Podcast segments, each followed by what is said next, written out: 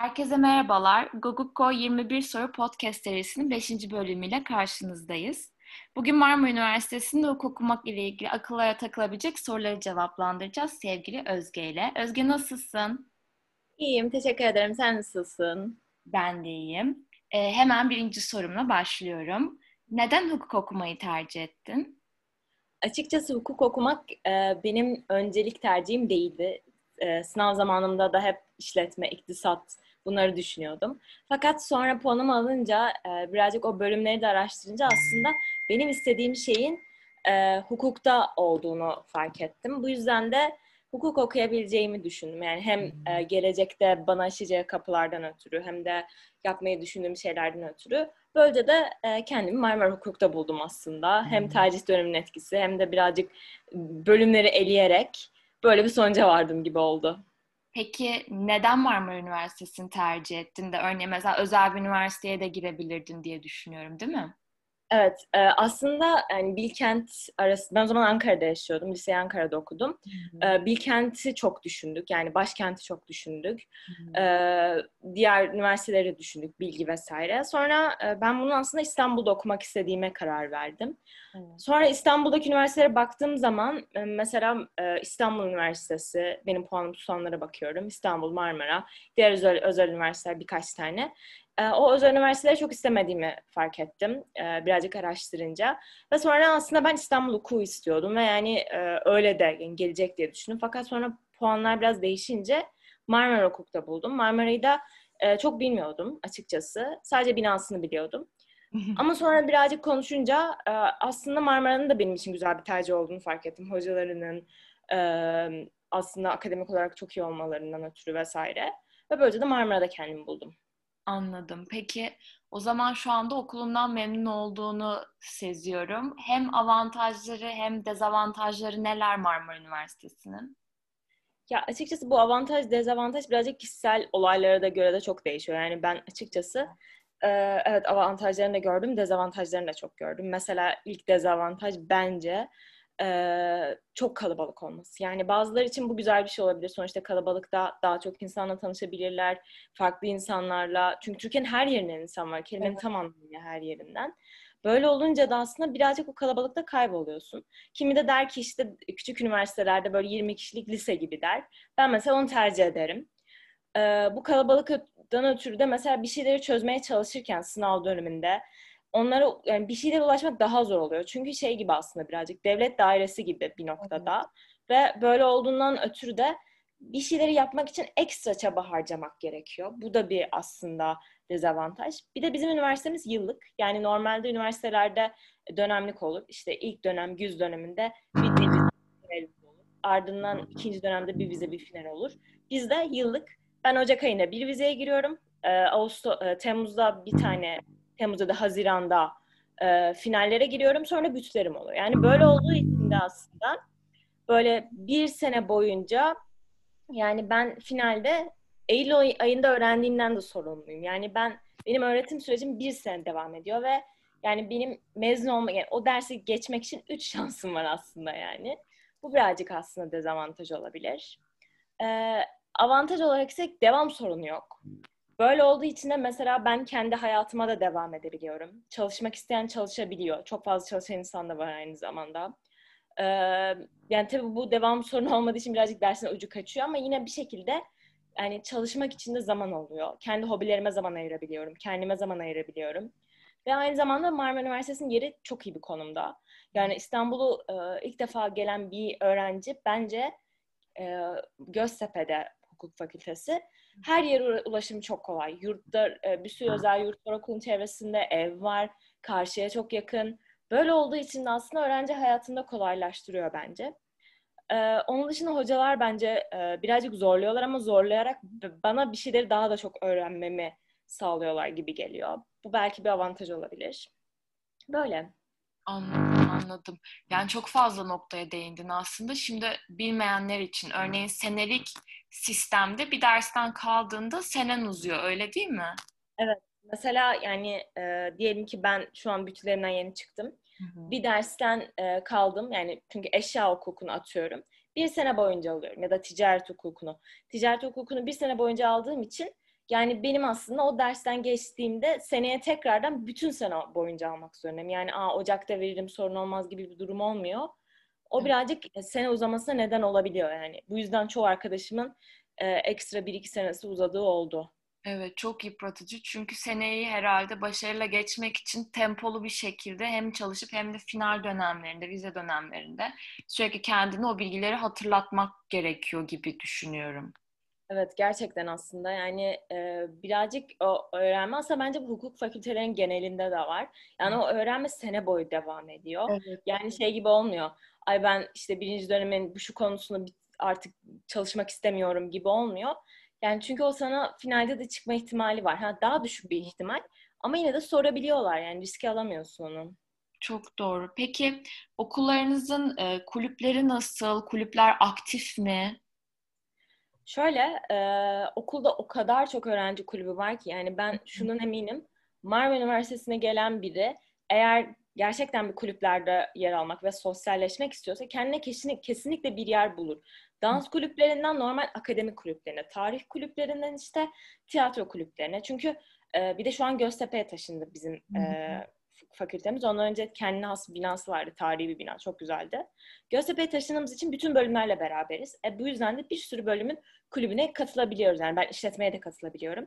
Hukuk fakültesi bünyesinde e, ben de şu an olduğum Marmara Hukuk Kulübü var. Aynı zamanda buna bağlı Marmara Hukuk Derneği var. Ben bunda e, yönetim kurulu üyesiyim. Uluslararası projelerden sorumlu yönetim kurulu evet. üyesiyim. Ve ben açıkçası e, fakültedeki en yakın arkadaşlarımı kulüp, bu kulüp sayesinde ve yaptığımız Youth İstanbul Project isimli uluslararası proje sayesinde buldum. Yani ben şunu düşünüyorum, sosyalleşme konusunda kesinlikle yani isteyen biri kendine yer bulur. Dediğim gibi çok çeşitli bir üniversite olduğu için. Çok, ben öyle düşünüyorum. O, o çok önemli yani. Özellikle sadece okula git gel çünkü yeterli olmuyor gibi. Evet ya bir de bize devam sorun, zorunluluğu olmadığı için okula bağlı, bağlayan çok az şey kalıyor seni. Arkadaşların bağlayabilir. Belki o derse ilgin bağlayabilir. Doğru. Ee, öyle olunca da kulüp olunca okula gidiyorsun ve bir noktadan sonra daha fazla okulla haşır neşir oldukça üniversite hayatında yaşamaya başlıyorsun. Yani bu yüzden de ben kesinlikle yeni giren bir insana Marmara Hukuka da olabilir, başka üniversitede olur. Kesinlikle bir öğrenci kulüplerini bir denemesini öneririm yani. Evet. Peki ben senin yurtta kalmadığını biliyorum ama arkadaşlarından e, duyduğun kadarıyla yurt hayatı nasıl gidiyor? Marmara'nın kendi yurdu var mı? Ya da o çevredeki yurtlar nasıl? Ee, şöyle, aslında ben üniversitenin ilk senesinde yurtta kaldım. Ee, ailemle taşınıyorduk. Tanış, taşıma sürecimiz tam olmadığı için yurtta kalmak zorunda kaldım. Hı-hı. Ve ben bir özel yurtta kaldım Kadıköy'de. Üniversitenin yeri de Kadıköy'e çok yakın olduğu için gerçekten yürüyerek 15 dakika gibi. Bir sürü yurt var özel yurt açısından. Her bütçe uygun bir sürü yurt var. Marmara Üniversitesi'nin bünyesinde de bir tane devlet yurdu olduğunu biliyorum. Kız yurdu bir ya da iki. Ama çok fazla yer olmadığı için mesela önceden başvurulması gerekiyor. gerekiyor. Yani Marmara'nın kendi yurdu da var. Kampüsün içinde ve çok yakın. Gerçekten çok iyi o yakınlık konusunda. Ama dediğim gibi yani Marmara'nın konumundan ötürü bir sürü yurt var. Yani yurtsuz yurdu bulamayacağım sorunu yaşamaları bilmiyorum. Yani ben çok korkmuştum ama baktım ki yani hep yer var. Hep birileri için e, yurt arıyor, yurttan çıkıyor. Yani bu yüzden de çevredeki yurtlarla e, bunu halledebilirler. Bir de e, KYK yurtları var, devlet yurtları. Evet. Onlara da ulaşımı yakın yani. Anadolu yakasında çok var mı bilmiyorum ama Marmara'nın ulaşımı yakın olduğu için diğer yurtlara da işte KYK yurtlarına ulaşım kolay oluyor. Anladım. Şimdi biraz daha kişisel sorulara geçiyoruz. Ee, senin en çok ilgini çeken ama yapamayacağını düşündüğün hukuk alanı hangisi? Ya aslında bu e, yapamayacağımı düşündüğüm dediğimiz zaman şöyle düşünüyorum. Ben anayasa ve insan hakları, yani anayasa dersi benim en sevdiğim dersi. Hı hı. Şu anda da mesela insan hakları dersini çok seviyorum. Şunu düşünüyorum yani bu noktada kamu hukuku aslında ilgimi çekiyor gibi evet. gözüküyor. Yani yapamayacağımı neden düşünüyorum? Çünkü yani Türkiye'de bunu yapmak istemiyorum sanırım. Daha doğrusu yapabileceğim şeyler benim e, yapmak istediğim şeylere çok yönelik değil. Yani sonuçta anayasa üzerine çalışırsam e, çok sınırlı. Ya böyle bir e, daha çok e, akademik hayata adamam gerekiyor kendime. Ya da araştırıcı, araştırma, araştırmam gereken böyle daha o yönde e, iler, ilerlemem gerekiyor. Böyle olduğu için de ben sanırım daha sahada olmayı, işte bürolarda çalışmayı, avukatlık yapmayı istediğim için bunu yapamayacağımı düşünüyorum aslında. Yani beni tatmin etmez muhtemelen ama alana hala ilgim var. Muhtemelen hep araştırmaya okumaya devam ederim. Harika. Peki genel olarak hukuk okumakla ilgili en çok ilgini çeken şey ne? En çok neyi seviyorsun ve seni en çok ne zorluyor? Yani en çok zorlayan şey kesinlikle uçsuz bucaksız bir deniz olması. Yani okurken de yani her alanda aslında bir hukuki düzenleme var. Yani gerçekten hayatın her alanında demişti bir hocamız. Gerçekten öyle yani. Özellikle Türkiye'de her şeyde bir şekilde bir e, öğrendiğin bilgiyi kullanabiliyorsun. Evet dediğim gibi çok ucuz bucaksız bir deniz ama her yerde karşına çıktığı için ve okulda öğrendiklerinle beraber yavaş yavaş öğrendiğin, öğrendiklerine farklı bir bakış açısı kazanıyorsun ve farklı yorumluyorsun. Yani aslında dezavantajı avantaja çeviriyorsun. Yani Türkiye'nin mesela politik yapısına bakınca aslında ülkede hep bir şeyler oluyor. Çok e, hani hararetli bir ülke yani sonuçta. Böyle olunca hukuk okuyunca aslında daha farklı bir pencereden bakmak yani normal bir insanın bir haberi yorumlamasıyla bizimki çok farklı oluyor. Özellikle ceza e, hukuku gördükten sonra. Bu hoşuma gidiyor benim açıkçası. E, bir de dezavantaj olarak e, mesela ben yurt dışına e, gitmek istiyorum. Evet. E, yurt dışında hani sonuçta her ülkenin e, hukuk sistemi farklı olduğu için benzer noktaları olsa da birazcık daha zorluyor yani. Bir işletme ya da iktisat okuyan insanın ya da herhangi bir fen bilimi okuyan insanın, insandan daha zor benim oraya evet, adapte olmam. Çok dar. Doğru söylüyorsun. O yüzden bu da bir e, zorlayan bir şey. Peki kısa ve uzun vadeli kariyer planlarından biraz bahseder misin? Staj yapıyor musun? Ya da staj arayışında senin kriterlerin neler? Şu an e, ben 3. E, sınıfı yeni bitirdim. Bir hukuk bürosunda yaz stajı yapıyorum. Ee, dördüncü sınıfı da umarım yani sene uzamadan biterse yine e, yasal stajımı yaptıktan sonra e, yurt dışına gitmeyi istiyorum ben açıkçası.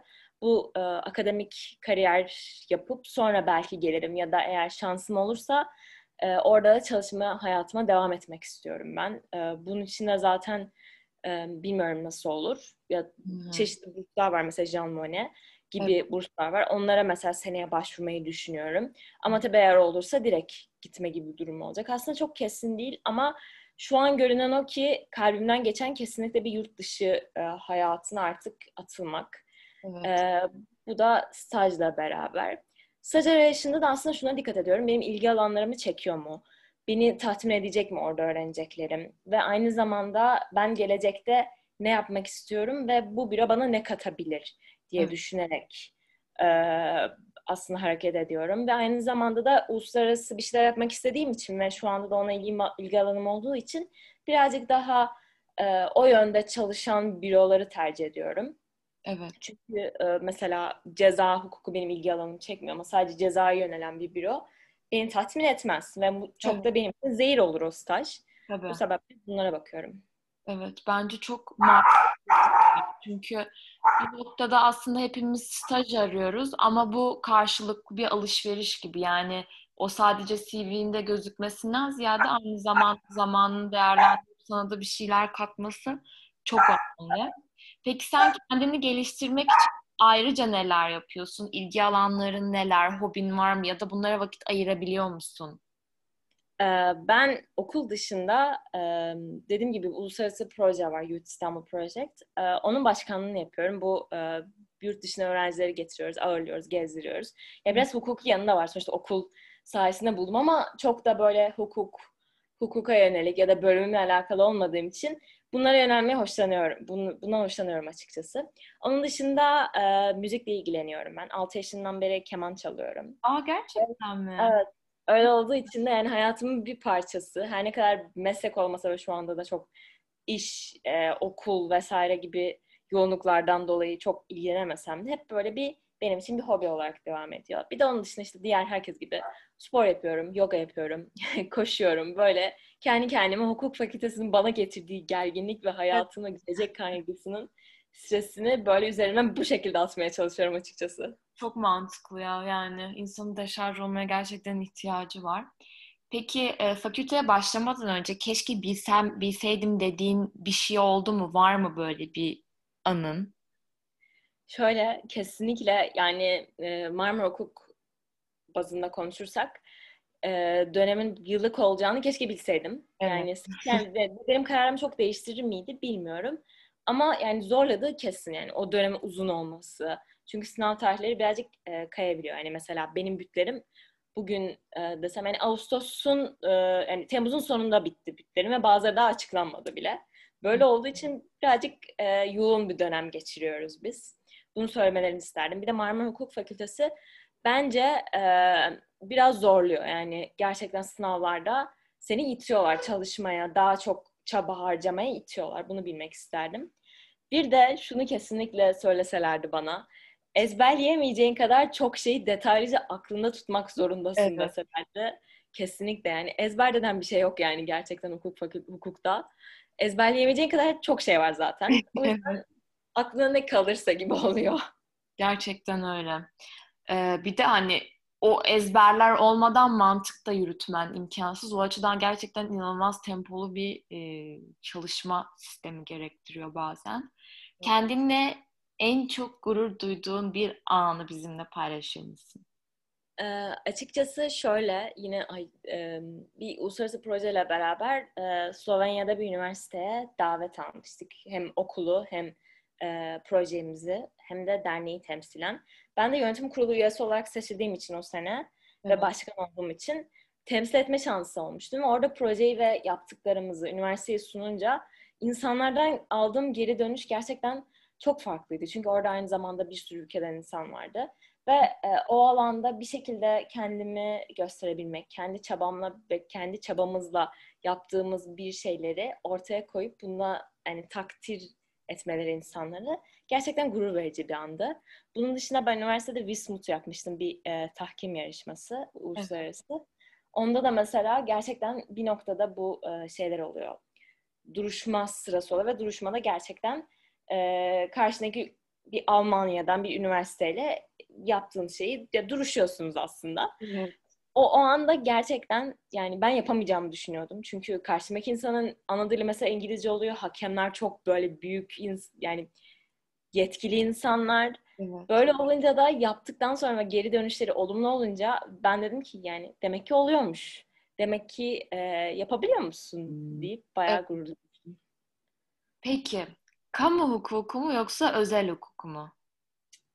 Ben bunu birinci sınıfta sorsalar kesinlikle kamu derdim. Derdim ki medeni hukuk da ne çok kötü. Ama sonra yavaş yavaş kamu hukukunu çok sevsem de anayasayı işte insan haklarını vesaire bunları. Ama özel hukuk gerçekten sanırım yapması, çalışması daha zevkli. Yani en sevdiğim ders benim ticaret oldu mesela. En çok zorlayan ders de. Ama yani gerçekten zevkli ve bence şey diyelim ki iş hayatına atılınca da bunu stajda da gördüm. Özel hukuk gerçekten çok daha zevkli yapması yani uğraşması, araştırması. O yüzden özel diyorum. Ya zaten genel olarak e, benim gözlemlediğim öğrencilerin çok büyük bir kısmı özel hukuka yöneliyor. Çünkü aslında kariyer e, planlarını herkes o alanda çeşitlendiriyor. Çünkü hem çok daha zengin bir alan, alan bakımından, dal bakımından daha doğrusu. Hem de e, çeşitlilik daha fazla. Yani yapabileceğiniz evet. şey çok fazla. Yani düşünüyorum uzay hukuku denen bir şey ortaya çıkıyor mesela ya da yapay zeka hukuku. Evet. Tamam içinde böyle belki kamu hukukundan böyle bazı temel şeyler olabilir. Ama yani ne olursa olsun ucu özel hukuka de, değiniyor yani o yani sözleşmelere, e, o eşya hukukuna bir şekilde ticarete değiniyor, de, değiyor o ucu. O yüzden de bu benim çok hoşuma gidiyor. Evet. Peki sana savunması güç gelecek bir suç var mı yoksa ben gerekirse her suçun avukatlığını yapabilirim diyenlerden misin? Ben yapamam muhtemelen. Yani kendi yapımdan ötürü yani karşındaki e, ne, haksız olduğumu bilsem mesela bunu evet. yapamam. Ama bence özellikle herhangi bir cinsel istismar ya da şiddet suçuna ya da adam öldürmeye gerçekten yani yapamam. Çok çok zor benim için. Özellikle bu cinsel istismar suçlarında. Hmm. Ee, o yüzden yani kesinlikle kırmızı çizgim. İşte bu yüzden bir noktada ceza hukuku bana çok güç geliyor yani. Çok zor çünkü. İnsanı gerçekten ruhen de bir noktada eğer çok profesyonel kalamıyorsan ki öyle kalmamak gerekiyor galiba. İnsanı çok ruhen sömürüyordur diye tahmin ediyorum. Peki hakim savcılık mı? Hiç düşündün mü daha doğrusu? Çünkü avukat olmak istediğini söyledin.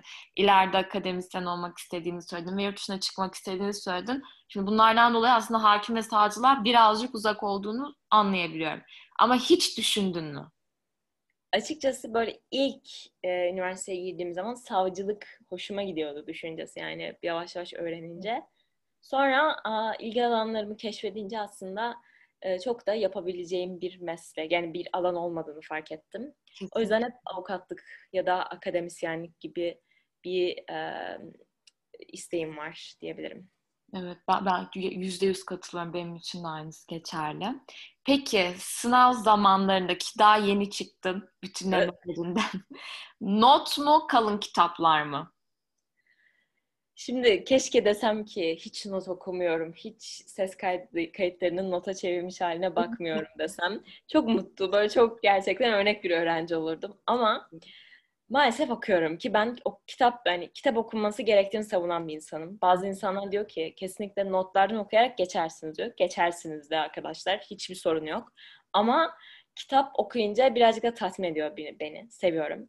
Ee, ama notlar yani bir de bizde hani devam zorunluluğu yok. O dersin tamamen böyle ses kaydının not hali çıkıyor önüne. Sonra yıllık sistem, yıllık sistem olunca ben nasıl birinci dönemdeki kitabı tekrar okuyayım? Tabii. Öyle olunca da aslında notlar gerçekten hayat kurtarıyor yani. O yüzden de aslında hani not hayat kurtarır ama kitapta okumak gerekiyor ya yani. Ya ideal bir dünyada ben de kitap okumak çok isterdim evet. ama benim genel olarak hep her dönem 10 tane dersim oldu. İşte hangi Aynen. birinin kitabını okuyayım? Hepsi kalın kalın zaten ve hani sınavda ihtiyacım olmayan doktrinlere yer ver, yer veriyor. Uzun uzun başka şeylerden bahsediyor. Bir de kitapta okuduğunda aklında kalmıyor. Onun da notunu çıkartmak gerekiyor gibi evet, gibi. Gerçekten. Çok gerçekten zahmetli ve yapabilenleri de tebrik ediyorum şahsen. Peki bu sorunun cevabını verdin aslında ama tekrardan bir sorayım. En sevdiğin ders hangisi ve neden? ticareti çok seviyorum. Yani e, bunun mesela nedenini düşününce sanırım yani ticaret aslında gerçekten zor bir ders bilmeyenler için. Çok fazla ayrıntısı var. Yani dipsiz bir kuyu kelimenin tam anlamıyla. Evet, ama Ay evet gerçekten yani ama çalışırken açıkçası birazcık e, nasıl söyleyeyim e, sonuçta hayatta da birazcık yani duyuyoruz şirketlerin ismi. Mesela limited şirket ne, anonim şirket ne, işte bazı böyle büyük şirketlerin ismi duyuyoruz işte dışarı çıktığımız zaman. Bunların yapısı nasıl olduğunu, nasıl çalıştığını görmek aslında ilgimi çekiyor. Bir de gelecekte de buna yönelmek istediğim için aslında, evet. yapmak istediğim için e, bayağı sevdim. Onun için anayasayı çok seviyordum. Yani e, gerçekten çok güzel bir ders bence. Biraz evet. detaylı ve zor. Gerçekten çok zor. Yani bizim okulda anayasayı vermesi, en anayasa verilmesi en zor dersti. Biliyorum ki bazı arkadaşlarım dördüncü sınıfa gelmişken daha yeni veriyordu. Aynen. Ama e, zevkli. Yani çok zevkli kesinlikle. Peki en sevmediğin ders hangisi ve neden? İkinci sınıfta Türk hukuk tarihi vardı. Yani gerçekten sevmiyordum. Yani birazcık şey şansa mı geçtim? Online eğitim sayesinde geçtim. O yüzden online eğitimin en iyi yanı bunu dersi vermemi sağlaması oldu bana açıkçası. Ee, çok yani tarih severim. Gerçekten çok severim. Ama Türk hukuk tarihi birazcık hem bazı terimlerin Arapça olması, zor olması, evet. akılda tutmak çok zor. Çok can yani çok sıkıcıydı bence. Bir de ceza hukukunu ben sevmiyorum yani. Evet. Bazıları çok seviyor. Çok, böyle heyecanlı. İşte o ona yaralıyor, o onu dolandırıyor vesaire falan. Yok yok yani hayır. Bir süre sonra gerçekten negatif negatif. Kesinlikle. Ay sınava çalışırken ben de yani şey moralim bozuluyordu. Abuk subuk örnekler falan veriliyordu. Yüzde yüz katılıyorum sana. Ya işkence gerçekten işkence yani. Peki sence bölümümüz abartıldığı kadar zor mu yoksa biraz daha hani insanlar şey mi yapıyor bunu abartıyor mu? Şimdi ben daha yeni böyle e, sınav dönemlerinden çıktığı için, çıktığım için şu an bölüme karşı bir ay yani çok nefret dolu demeyeyim de bıktık, bıkkınlık, böyle Evet. stres hissediyorum hala böyle. Çok yeni çıktım çünkü sınav döneminden. Ama ben kesinlikle katılıyorum. Yani seven gelsin bu bölüm- bölüme. Yani sadece bunu söyleyeceğim. Çünkü zor. Yani okumak. Evet e, belki ne bileyim tıp kadar zor değil yani atıyorum. Tıpla çok karşılaştığında tıp hukukçu e, diye çok dalga geçilir belki sosyal medyada. O yüzden de olabilir. Evet. Ama yani evet her bölümün kendine has bir zorluğu var ama hukukun bence o e, yani zorluğunu kesinlikle yani özellikle 3. sınıfta hissediyorsunuz. Ya bir noktada galiba en çok zorlayan şey ve yapılması gereken şey aynı zamanda da sonuna kadar götürebilmek. Yani o hani o akıl sağlığını bir noktada sağlam tutup hani bir noktada bunun zorlarsan olabileceği mentalitesine sahip olmak yoksa hani ben de hatırlıyorum ilk dönemimde her dersten kalmıştım ama sonra bir şekilde yani nasıl olduğunu bilmiyorum ama sınav sistemine alışıyorsun, okul sistemine alışıyorsun ve sonrasında bunlarla da birlikte aslında her şey yoluna giriyor ama yani hani mesela şu dönemde bu sıcakta hani yeni bütünlemelerden çıkmam bile bence çok yorucu ve asap bozucu olsa gerek. Evet gerçekten bir noktada ben özellikle geçen hafta yani akıl sağlığımı kaybettiğim hisset, hissettiğim anlar oldu, oldu. Ama Evet. yani diyorum yani dünyanın sonu değil. İnsanlar geçiyor tamam. Bana Evet. bir şeyler katarak aslında yani bir şeyler hala katıyor. Beni hazırlıyor. Üçüncü sınıfa kadar gelmişim. Halledebilirim diyerek böyle motivasyonu daha da yüksek tutarak bir şekilde sonunu getiriyoruz. Peki, bölümün ezbere dayalı olduğunu düşünüyor musun? Ya şöyle aslında bazı noktalar gerçekten akılda tutulması gerekiyor. Yani ne bileyim özellikle ticarette unutmaman gerekiyor. Yani o istisnayı unutmaman gerekiyor. Onu ezberleyeceksin ki yani bir soru çıktığında atlama. Ama e, zaten ezberleyecek, ezberlemek imkansız bence. Çünkü ezberlem, ezberleyebileceğinden daha fazla şey var. O yüzden en iyisi aslında ne kadar aklında kalıyorsa mantığını anlamak ve onu mantığında anladığında ne kadar aklında kaldıysa onu yapmak yani sınavda. Çünkü ezberlemek bence imkansız ama keşke ezberleyebilsek de belki daha kolay olurdu. Yani zaten mesleğe girince gerçekten yani bu stajı yapınca da fark ettim ben. Ezberlemek ya kimsenin ezberine hiçbir şey yok. Hala yani onu araştırıyoruz bir şeyleri, bakıyoruz, kanunları açıyoruz, bakıyoruz, o kitabı tekrar açıyoruz. Yani o yüzden ezberlemek o kadar mühim değil aslında. Hem öyle hem de aslında ezberlediğinde bugünü ezberliyorsun ama Evet. yarın da değişebilir, bir sonraki gün de değişebilir. O yüzden o hani ben zaten ezberledime güvenip de o bilgiyi çok kullanmamak gerekiyor olabilir. Çünkü aslında değişken bir alan. Ondan Evet. dolayı insanın da kendini sürekli güncellemesi ve dediğin gibi mantığını hakkında tutması daha yararlı olabilir. Son sorumuza geldik. Hukuk dersi sırasında duyduğun ve hiç aklından çıkmayan şaşırtıcı bir bilgi var mı? Ya aslında bu çok zor. Ben bunu bayağı düşünüyorum yani. Daha önce de seninle de e, bu şey öncesi konuşmuştuk ama Evet.